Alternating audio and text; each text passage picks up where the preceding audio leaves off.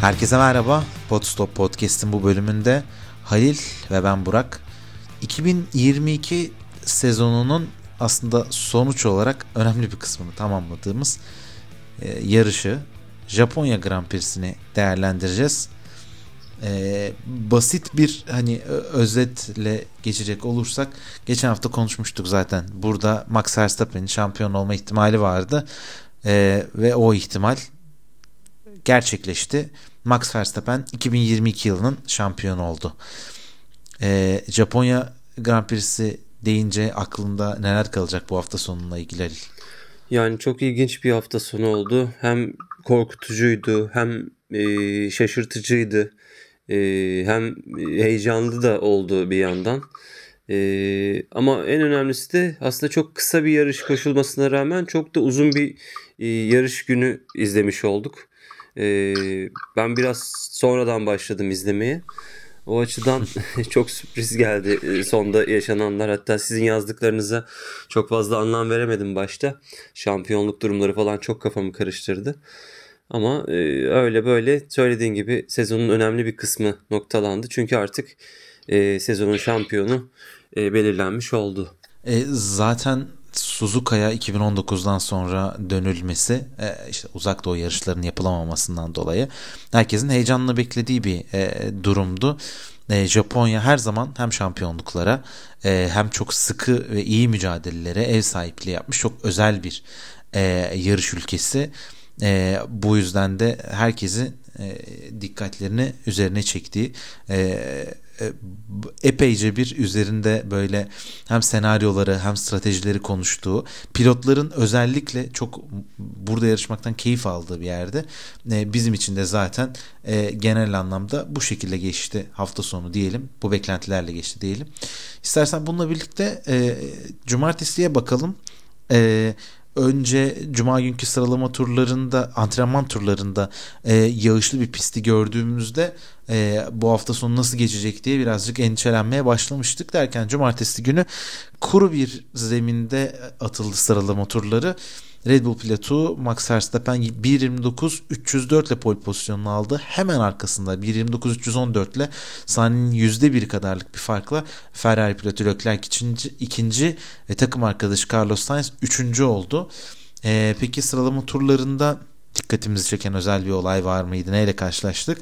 Ee, hafta içerisinde hatta sıralama turlarının olduğu gün diyelim geçtiğimiz hafta dedikoduları çok artmasına rağmen resmi açıklama yapıldı. Alfa Tauri pilotu Pierre Gasly önümüzdeki sezondan itibaren Alpine'de yarışacağı açıklandı. Ee, birazcık da gözlerin onun üzerinde olduğu bir sıralama turları vardı ama Pierre Gasly Q1'de elendi. Ee, Gasly Alpine'in anlaşmasına sonlarda zaten tekrardan geri döneriz. Ee, fakat Q2'de sürpriz bir şekilde Daniel Ricciardo takım arkadaşının çok az bir farklı gerisinde kalarak e, elenmiş oldu e, Q3'e baktığımız zaman da zaten e, az önce ilk 3 sıradan da bahsetmiştik ama bunun haricinde Alpine'den çok sağlam bir performans gördük. Esteban Ocon 5. Fernando Alonso 7. sırada e, start alacaklardı. Sebastian Vettel çok sevdiği ve hafta sonu boyunca neredeyse hani en büyük yıldızlardan birisi olarak ağırlandığı, herkesin veda etmek için birbirinin önüne geçtiği isim çok iyi bir ant, e, sıralama turları geçirdi ve 9. sırada e, start almayı garantiledi. E, bununla birlikte e, pazar gününe geçecek olursak yarıştan önce korkunç bir yağış bastırdı Suzuka'yı. E, ve orada da zaten e, birçok işte e, senaryo konuşulmaya başlandı. Oldukça uzun bir süre beklenen e, yarışın startı e, artık süre geri sayımından sonra başlayacağı netleşmiş oldu. E, bu anlamda cumartesi günü böyle kuru zeminde güzel bir aksiyon gördükten sonra pazar günü bunu bekliyor muydun Halil? Start nasıl geçti sence? Aa, yani pazar günü gerçekten yağış e, ihtimali hafta başından beri gösteriyordu aslında ama e, bu anlamda bu kadar hani yağış olup da yarış startını etkileyecek ve yarışı çok daha kısa bir stint olarak e, atacağı e, aklımızın ucundan belki de çok fazla geçmiyordu.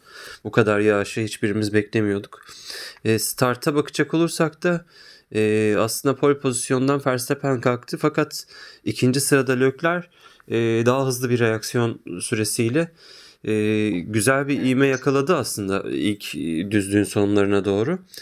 Fakat orada e, Verstappen bir şekilde hani e, ekstra bir güçle bir şekilde bir e, şeyle e, motivasyonla yerini korumayı başardı. Çünkü yerini koruması aslında çok önemliydi.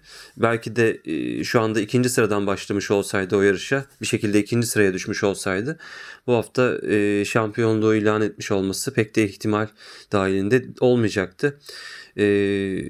Tabi her ne kadar onun sürüşüne de yorsak birinci sıradaki e, kişinin önünün açık gitmesinin aslında bu tarz e, ıslak zeminli yarışlarda ne kadar önemli olduğunu görüyoruz.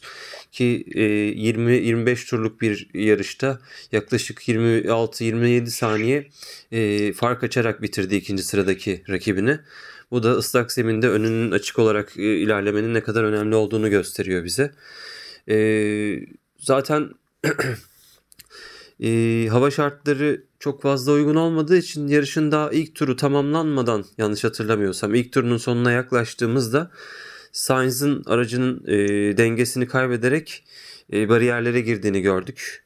E, bu da yine yağışlı e, havalarda çok fazla karşımıza çıkan durumlardan bir tanesi. Plastik ısı, ısıları daha optimum seviyelere gelmeden e, pistin özellikle de daha ıslak olan taraflarından geçerken aracın kontrolünü kaybedebiliyorsunuz.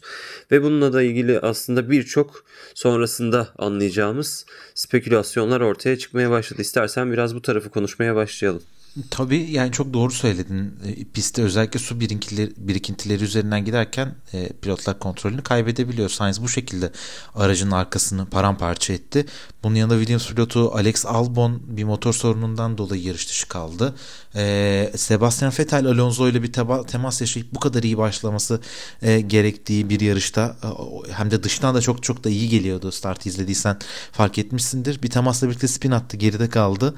Ee, yani herkes için böyle farklı farklı bir nokta vardı. Pierre Gasly e, Sainz'ın e, kazasından sonra bariyerlerde bulunan bir parça aracın önüne e, yapıştı kaldı ve ön kanatla birlikte gitti. Ama yani hepsinden öte konuşulması gereken en kritik konu e, ki zaten uzunca bir süre yayında da e, buna değinildi ama yarış sonrasında daha da çok konuşuldu. Eee Sainz'ın aracını kurtarmak için e, tabii bu kaza olduktan sonra hemen güvenlik aracı devreye girdi. Fakat güvenlik aracı varken Sainz'ın aracını kurtarmak için bir traktör piste girdi. E, ve tam da bu esnada ön kanadını e, kaybeden Pierre Gasly pite girmişti ve ön kanadını değiştirdi. Dolayısıyla konvoyla arasında çok ciddi bir fark oluştu. 25-30 saniye belki 40 saniyelik bir fark oluştu. Güvenlik aracı altında da arkadaki konvoyu yakalayabilmek için normal bir şekilde olağan olması gerektiği şekilde e, daha hızlı ilerliyordu e, konvoyu yakalayabilmek için ve birden bu kadar yağışlı e, görüş mesafesi çok sıkıntılı olduğu bir yerde ve pist de zaten çok geniş bir pist değil dar bir pist burada birden karşısında bir traktör çıktığını gördü ve, ve e, onu kurtardı geçti. Şimdi bu neden kritiktir?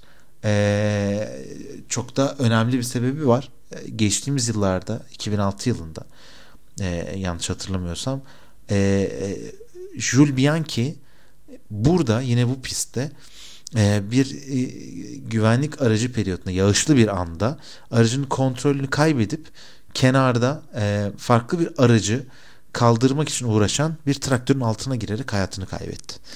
Yani aynı pistte benzer e, hava koşullarında ve benzer bir anda yine güvenlik aracı e, periyodunun olduğu e, bir anda yani güvenlik aracından öte bir kazadan dolayı bir traktörün bir farklı bir F1 aracını kurtarmaya çalıştığı bir anda böyle bir kaza yaşanıp hayatını kaybeden e, bir pilot varken ve ondan sonra işte e, birçok farklı sporda değişiklikler yaşanmaya başlamışken e, Halo'nun gelmesi gibi önemli bir e, e, hadise yaşanmışken e, böyle bir durumla burada tekrardan karşılaşmak yani Pierre Gasly çılgına döndü adeta telsizden. E, bunu gördüğüm zaman ben de aynı şeyi düşündüm açıkçası. Artık o dakikadan sonra sporun içeriğiyle alakalı hiçbir şey söylemeye gerek kalmıyor diye düşünüyorum. E, çünkü burada çok çok çok önemli bir e, şeyi gözden kaçırıyoruz. E, yani aynı pistte aynı yerde benzer ekiplerle e, böyle bir durum yaşanmış ve e, burada o traktörün altına girdikten sonra e, özellikle bir kafa travması geçirerek e, ciddi anlamda e, zor bir e, durum içerisinde kalan e, pilot Jules Bianchi'nin hayatını kaybettiği yerde böyle bir durumla karşılaştık. Belki o durum yaşanmasaydı Jules Bianchi hala hayatta olacaktı. Belki hala yarışıyor olacaktı. Ee, Ferrari Sürücü Akademisi'nden yetişen bir e, ondan sonra pilottu. Ee, ve böyle bir durum yaşanmışken Pierre Gasly'nin e, bu sürecinden dolayı yapmış olduğu serzeniş daha da büyük önem e, taşıyor diye söyleyeyim ve dinleyicilerimse de Pierre Gasly'nin yarış sonrasındaki e, röportajını e, çok kısa da bir şey iki, iki buçuk dakikalık bir şey izlemesini tavsiye ederim. Orada e, hayal kırıklığının ne seviyede olduğunu net bir şekilde görebiliriz diye düşünüyorum. E, küçük bir düzeltme yaparak devam etmek istiyorum. Bianchi'nin ölümü aslında çok da eski değil 2014'te gerçekleşmiş. Tekrar bir e, düzeltme yapmak istedim. Baktım e, ben de doğruladım. E, bu aslında turbo hibrit çağında doğru, başlangıç doğru, dönemine denk geliyor. Yani çok eski bir tarih diyemeyiz. Formula 1'in kurallarının revize edildiği e, şu anki bulunduğumuz çağın başlangıcı çok e, eski bir dönemden e, konuşmuyoruz. Bu açıdan evet e, güvenlikle ilgili bazı güncellemeler sonraki yıllarda getirilmiş olsa da aslında Formula 1'in bundan e, çok büyük dersler çıkarıp e, bunu e, çoktan önlemiş olması gerekirken e, bu yarışta aynı pistte özellikle tekrar e, böyle bir şeyin e, ortaya çıkması gerçekten çok ürkütücü. Zaten o kırmızı bayrak seansında Gazli'nin sürekli birileriyle tartıştığını gördüğünde ilk biz bir anlam veremedik ama sonra işte haberler ve e, görüntüler Twitter'a düşmeye başladıkça durumun e, ciddiyetini fark etmiştik. E, ondan öncesinde de ilk izlenimim şu olmuştu benim. Sainz'ın aracı öyle bir yerde çarptı ve durdu ki Hamilton'ın falan arkasından nasıl bir hızla ve çok yakın geçtiğini de gördük. Yani, Aynen öyle. E, sadece çok doğru. bir traktörün, bir çekicinin e, piste girmesi değil zaten orada e, olabilecek bir e, çok büyük bir kaza da meydana gelebilirdi. E, Sainz'ın aracını ortadan bir diğer aracın vurması büyük bir felakete dönüşebilirdi. O, yüzden e, pilotların hani bu kadar kelle koltuk yaşadığı bir e, yağmurlu ıslak, ıslak zeminli hafta sonlarında e, güvenliğin çok daha üst düzey olması gerekiyor diye düşünüyorum ben de. Sonrasında sanırım e, bir buçuk saate yakın yani ya da bana o kadar gelmiş bilmiyorum ama bir buçuk saate yakın falan Kırmızı Bayrak'ta Serhan Acar'la beraber kahve e, seansı yaptık. Uzun bir süre bekledik galiba. Hemen ardından zaten bir şekilde artık pilotları pistte tekrar aldılar ve aslında pilotlar Hamilton yanlış hatırlamıyorsam hani bırakın bizi e, kendimiz piste çıkalım ve yarışıp yarışılmayacağına biz karar verelim. Hani biz yarışacağız sonuçta gibi bir tweet atmış o sırada. E, nitekim de öyle oldu. Bütün e, pilotlardan Formula 1 e, yönetimi, hakemler kurulu e, geri bildirimler istedi. Birçok pilot hani yarışılabilecek e, pistin artık yarışılabilecek kıvama geldiğini söylediler. Bir tek Ricardo e, pistin görüşünün çok kısıtlı olduğundan bahsetti. Sprey etkisinin hala devam ettiğinden bahsetti. E, ama e, bir şekilde hareketli startla yarış son 45 dakika kala yanlış hatırlamıyorumdur umarım. 45 dakika yani yarış süresinin bitimine 45 dakika kala tekrar başlatıldı diyelim. Zaten 28 tur koşulabildi bu yarış. Herkes e, e, yağmurlu zemin dediğimiz mavi logolu lastiklerle başladı. Fakat bir süre sonra e, işte sizler de biliyorsunuz yaklaşık böyle saniyede 60 litre gibi bir suyu tahliye etme gibi bir şeyi var. E, mavi logolu lastiklerin e, kapasitesi var. E, bununla birlikte 5-6 tur attıktan sonra e, pilotlar artık pistteki e, su miktarının yağışın da azalmasıyla birlikte daha yönetilebilir bir ana geldiğini gördüler ve ilk zarı Sebastian Vettel atmış oldu. 3 tur sonra e, yeşil logo lastikleri geçerek erken pitin karşılığını aldı. E, en geriye düştüğü yarışta tekrardan üst sıralara tırmanmış oldu. Bence çok özel bir detaydı. E, bununla birlikte yarışta tekrardan görmüş olduk.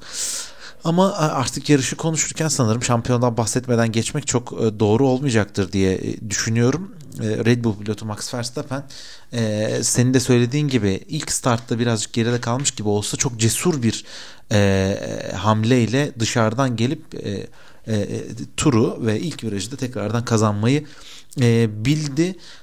bunun sonrasında zaten yarışın geri kalanını o kadar kontrollü ve o kadar iyi bir şekilde al, e, e, sürdürdü ki kimseye yani yaklaşmasına imkan dahi vermedi. E, Red Bull her zaman olduğu gibi hem lastik yönetiminde hem de pist üstü pozisyonlarında e, oldukça iyi bir konumdaydı. Önü boş bu şekilde ilerlediği zaman da Verstappen e, iyi bir sonuçla birlikte yarışı kazanmasını bildi. Fakat bence burada daha da önemlisi olan sadece Japonya Grand Prix'sindeki performansı değil sezon boyunca buraya gelene kadar ki performansı olacaktır diye düşünüyorum. İstersen birkaç cümle Verstappen'in şampiyonluğu ile ilgili fikirlerimizden bahsedelim. Ee, benim yani bu sezonu hatırladığımda aklıma gelen tek şey e, hiçbir böyle soru işaretine mahal bırakmadan pist üstünde ve pist dışında bütün performansıyla yani çok uçtan uca bir şekilde e, sonuna kadar hak edilmiş oldukça net bir şampiyonluk olarak yorumluyorum Max Verstappen'i e, geçtiğimiz sezonun hem hakem kararlarıyla birlikte böyle finalinin e, zor geçtiği bir anda e, belki de Verstappen e, daha içi rahat, daha yüreğini su serpmiş ya da onu izleyenlerin e, ya da taraftarların yüreğine su serptiği e, ne kadar yetenekli olduğunu ve pist üstünde bunun sonuçlara ne kadar yansıtabildiğini gösterdiği bir galibiyet aldı. Bence bu sezon 2022 Verstappen şampiyonluğu ile ilgili ne söylense az olur. Gerçek bir dominanstı diye düşünüyorum ee, ve sonuna kadar da hak ettiği şampiyonlukla birlikte e, ikinci şampiyonluğunu elde etti. Burada birkaç tane güzel detay var. Onlardan da bahsetmeden e, e, sana vermeyeceğim sözü. E, birincisi İlk şampiyonluğunu o da Sebastian Vettel gibi yine Red Bull e, altında e, Abu Dhabi'de kazanmıştı. İkinci şampiyonluğunu da Sebastian Vettel Red Bull'dayken Suzuka'da kazanmıştı Japonya'da. Verstappen için de aynı senaryo gerçek oldu. Birçok kariyer benzerlikleri olduğu da dikkate alınırsa e, e, acaba bundan sonra nasıl bir yarış izleyeceğiz, nelerle karşı karşıya kalacağız diye insan da düşünmeden edemiyor diyeyim. Ve sözü sana bırakayım Verstappen şampiyonu ile ilgili. Yani söylediklerine kesinlikle katılıyorum. Ee, öte yandan e, geçen seneki Verstappen ve bu seneki Verstappen'e baktığımız zaman evet e, bu sene sezonun belli bir noktasından sonra artık Red Bull e, tamamen daha komple bir araç haline geldi ve lastik korumasıyla, güncellemeleriyle, gerçi bu güncellemeyle ilgili de e, podcast'in sonunda bir parantez açmamız gerekecek sanırım. E, bu pist e, bütçe sınır, sınırlamaları ile ilgili konuyu. Ama e, şampiyonluk ve e, başarı hikayesine dönecek olursak e, gerçekten sezonun bir noktasından sonra bu işi kopardılar. Ferrari'nin e, bir takım şanssızlıklarla, bir takım pilotaj hatalarıyla ya da organizasyon hatalarıyla pit duvarının, pit ekibinin, e, mekanikerlerin ya da işte aracın motorunun e, zaman zaman onları yolda bırakmasıyla da beraber e, bu sene artık bir noktadan sonra zaten e, şampiyonluğu koparmışlardı onlardan baktığın zaman. E, Verstappen'e dönecek olursak çok fazla galibiyeti var ve bunların bazıları da gridin e, sonlarından gerilerinden başladığı yarışları da galibiyete çevirmeye baş, başardı. E, geçen seneye oranla baktığımız zaman artık bir dünya şampiyonu klasmanında yarışıyordu zaten. ve daha özgüvenli, e, yap, daha önce yaptığı bir şeyi bu sene bir kez daha yapabileceğini biliyordu en azından. Lökler, Lökler de evet dünya şampiyonu olabilecek bir kumaşa sahip bir pilot olsa da Verstappen'in daha önceden bir dünya şampiyonluğu olduğunu düşünürsek böyle bir hafızaya sahip baktığımızda e, o açıdan e, hem hak edilmiş hem de gerçekten sonuna kadar e, heyecan verici e, olduğunu söyleyebilirim. Tabii bu noktada eleştirdiğimiz çok konular olabiliyor. İşte zaman zaman Helmut Marko'nun basının açıklamalarıyla, zaman zaman işte Christian Horner'ın e, sivri diliyle e, işte rakiplerini e, daha etkisiz hale bırakmak istemesiyle Red Bull ekibini bu şekilde biraz burnu havada görebiliyoruz. Verstappen hayranlarını, Verstappen severleri biraz daha farklı bir kitle oldukları için işte gençlik döneminde çok e, agresif e, açıklamalarla sivrilen bir adam olduğu için de aslında çok farklı görüyorduk ama son iki senede çok farklı bir noktaya dönüştüğünü ben hem pilotaj açısından, olgunluk açısından hem de o e, çocukluk dönemini artık kapattığını ve e, yepyeni bir e, döneme doğru evrildiğini düşünüyorum. Bu ikinci şampiyonlukla kalır mı? Bu kadar e, organizasyon tarafında e, bütün paket olarak çok iyi olduklarını düşünürsek evet Mercedes'i de şimdiye kadar öyle görüyorduk ama şu an bir noktada Red Bull e, biraz daha ipleri eline almış gibi görünüyor. Tabii önümüzdeki sene için e, henüz bir şey söyleyemeyiz ama gerçekten bu e, şansı, bu ellerindeki gücü ne kadar iler, ileri taşıyabilirler? Bunların hepsi merak konusu. Önümüzdeki seneyi iple çekiyor olacağız. E, güzel bir detay daha vardı az önce atlamıştım. Onu da ekleyip bu şekilde e, e, hem Japonya'ya biraz daha döneriz. E, Max Verstappen şampiyonluğunu kariyerindeki 32. galibiyetle birlikte elde etmiş oldu. E, bu galibiyet sayısıyla da e, yine iki kez dünya şampiyonu olan Fernando Alonso'nun galibiyet sayısını eşitlemiş oldu. Bundan sonrasında yapacağı her galibiyet de artık Fernando Alonso'yu da geride bırakmış olacak. E, bununla birlikte Red Bull'un diğer koltuğuna geçelim. Sergio Perez e, o da e, hafta sonu e, Ferrari'lerin arkasında kalmıştı sıralama turlarında. E, nasıl bir yarış izleyeceği düşünülürken önce startta e, e, Carlos Sainz'ı geride bıraktı. E, bu onun için özel bir noktaydı. Daha sonrasında neredeyse hiçbir aksiyon olmayan yarışta da son tura kadar Leclerc'in e, peşini bırakmadı e, ve bu e, özel takiple birlikte de son virajda şikana gelmeden önce Leclerc'in artık daha fazla geride tutamayıp geç frenle birlikte hata yapmasına sebep verdi.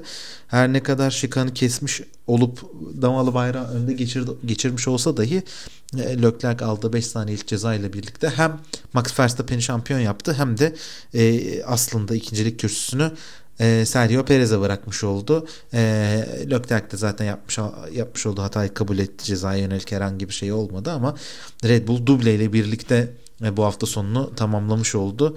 E, burada şunu da diyebilir sanırım Halil. E, geçtiğimiz sezon Abu Dhabi'de yapmış olduğu asistten sonra Sergio Perez bir kez daha Max Verstappen'e şampiyonluğu getirdi diyebilir miyiz? Yani evet e, sonuca etki ettiğini düşündüğümüz zaman kesinlikle söyleyebiliriz. Onu önündeki e, Verstappen'in rakibini bu kadar baskı altında yaklaşık 10-12 tura yakın e, takip etmesi ve sonunda son tur bile olsa hataya zorlaması e, bence gerçekten takdire şayandı. Tabii Ferrari'nin lastikleri çok çabuk bitiyordu bu ortamda. E, Red Bull'un lastik kullanımı ve özellikle de Sergio Perez'in lastiklere iyi davranması da e, yarış sonunda buna böyle bir etki olmasına sebep oldu diye düşünüyorum. E, Ferrari'den bahsedecek olursak aslına bakarsak yani e, yine bu haftanın kaybedenler arasında yer alıyor Ferrari fakat e, şu açıdan bakacağım. E, yine yani eleştirmekten yorulduğumuz Ferrari'yi daha pozitif taraflarından değerlendirmeye çalışacağım. E, Charles Leclerc üst üste dördüncü podyumunu elde etmiş oldu. Bu da kariyerindeki en iyi seriyi bir kez daha tekrarladığı anlamına geliyor. E, senin de söylediğin gibi lastiklerini bu kadar çabuk bitiren bir takım için e, böyle koşullarda geçiş lastiklerini de çabuk bitirmemesi çok mümkün değildi. E, bu anlamda önde olsa dahi bence yani yarışın geçtiği işte bu 28 turluk yarışta e, yaklaşık 24-25 tur e, Perez'i arkasında tutması Leclerc için bir başarı diyebiliriz ya da pistin aslında el vermediği e, durumda ayrıca diyebiliriz. Çünkü DRS hariç geçişin çok mümkün olmadığı bir yerde. Ee, en azından podyumda bitirerek e, Ferrari buradan çıkartabileceği e, en iyi şeyi çıkartmış oldu. Takım arkadaşı Carlos Sainz ise bu sezon 5. kez yarış dışı kaldı. E, bu da onun için e, oldukça zor bir duruma sebebiyet verdi. Pilotlar şampiyonasında ikinci sıra için yarışmaktan birazcık geride kalmış oldu. Çünkü artık Perez'in 51 puan gerisine düştü. E, geride kalan yarışlarda çok kolay kolay çıkartabileceği bir farkta e, gibi de görünmüyor bu anlamda. Ferrari için de kısa sürede unutulma, unutulması gereken bir hafta sonu oldu diyebiliriz. dikkat çekmek istediğim bir taraf var. Ön taraftaki savaşın hemen arkasında 4. ve 5. sırada Ocon ve Hamilton e, yani turlar süren çok keyifli bir mücadele izlettiler bize. Burada Ocon'un her e, geçiş yapılabilecek, pistin geçiş yapılabilecek yerde e, aracı konumlandırmasındaki e, o profesyonellik, tecrübe aynı zamanda e, gerçekten çok iyi bir yarış çizgisiyle e, Hamilton gibi çok deneyimli bir pilota geçilmemesi tabii geçişin zor olduğunu biliyoruz ama e, hatasız bir şekilde sürmesi o konuda aslında Alpine'le ne kadar artık uyumlu bir noktada olduğunu gösteriyor. Seneye takım arkadaşı demin de söyledik Gazli olacak. E, bu noktada Fransız takımın Fransız pilotu olarak Gazli mi öne çıkacak yoksa daha eskiden beri koltuğunu koruyan Ocon mu birinci pilot olacak? O tarafı da merak etmiyor değilim açıkçası. Alpinc'in bu hafta sonu senin de söylediğin gibi muazzam bir başarıydı. Ee, yani hiçbir şey söylemeye gerek yok. Geçtiğimiz hafta iki adet e, yani iki pilotu da yarış dışı kalmasıyla Singapur'da puan alamamışlardı. E, fakat bu hafta bunu resmen alt üst etmiş oldular.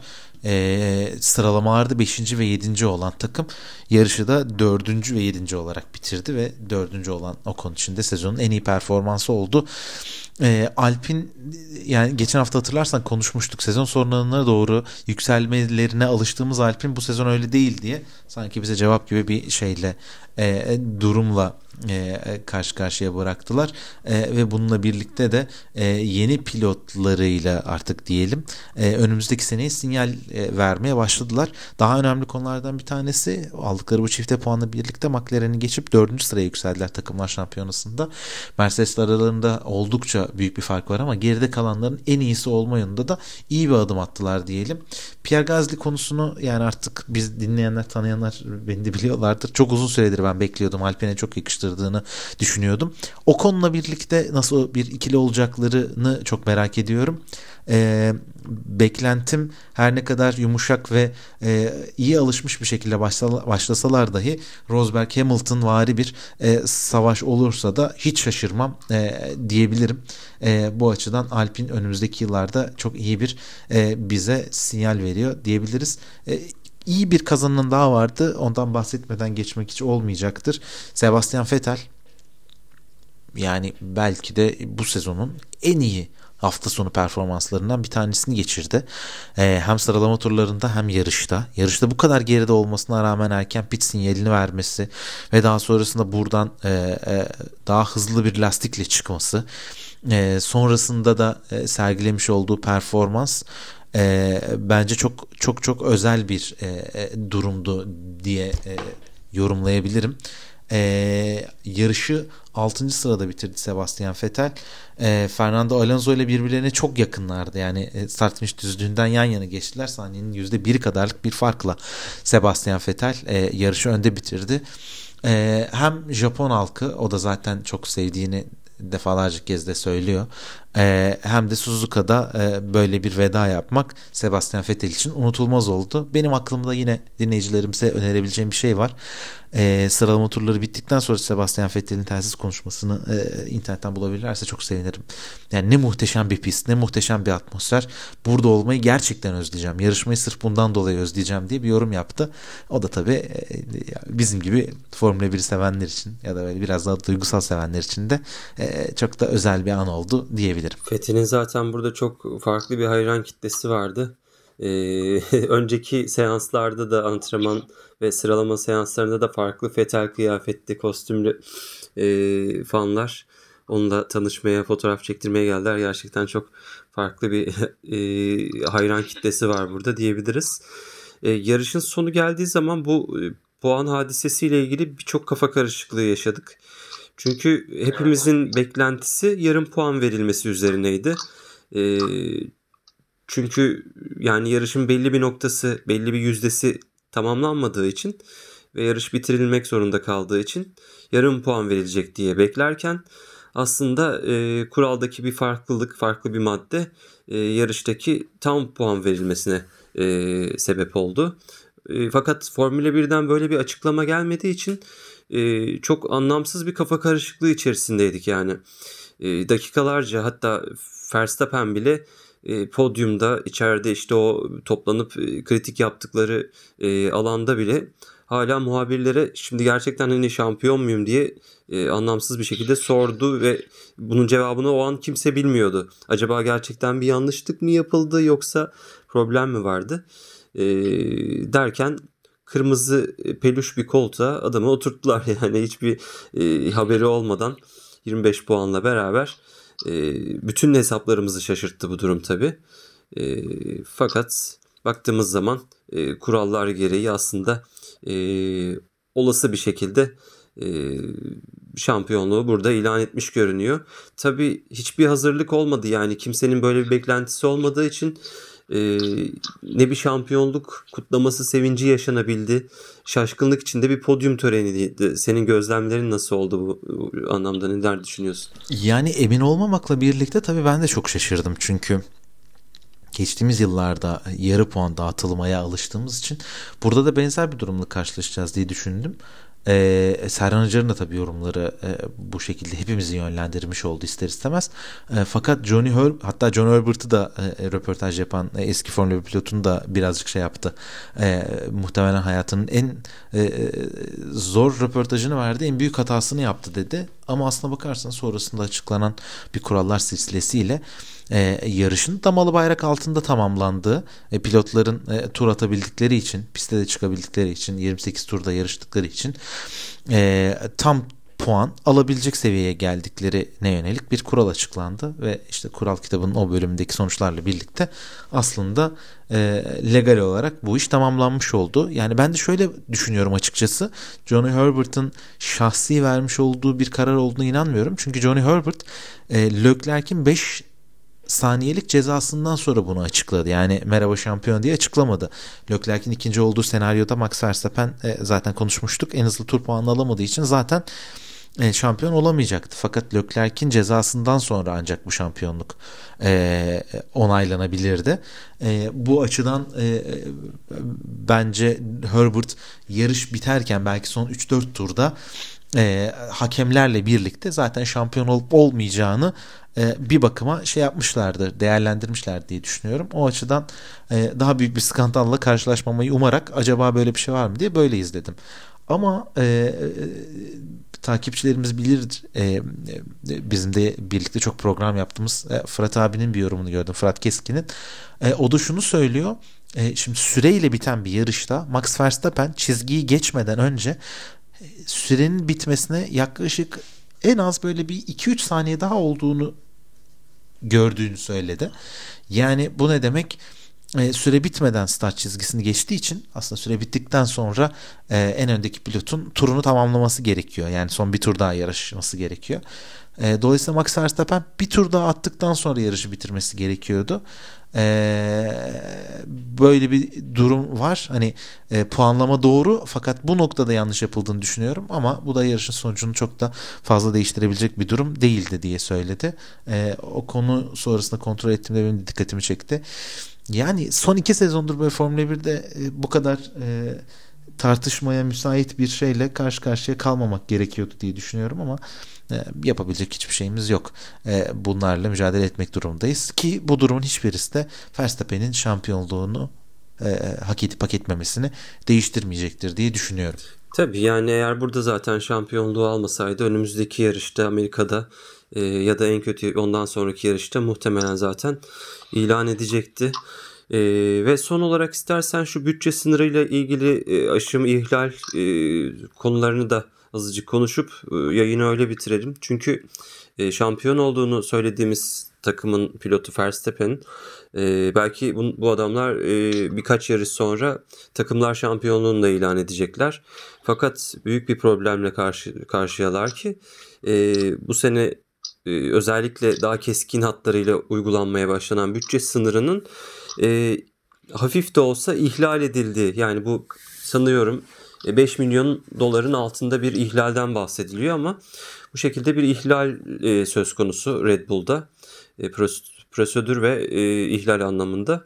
Aston Martin de sadece prosedür tarafında ihlal yaptığı söyleniyor. Diğer takımların e, bütçe sınırıyla uyumlu olduğu e, yazılıyor.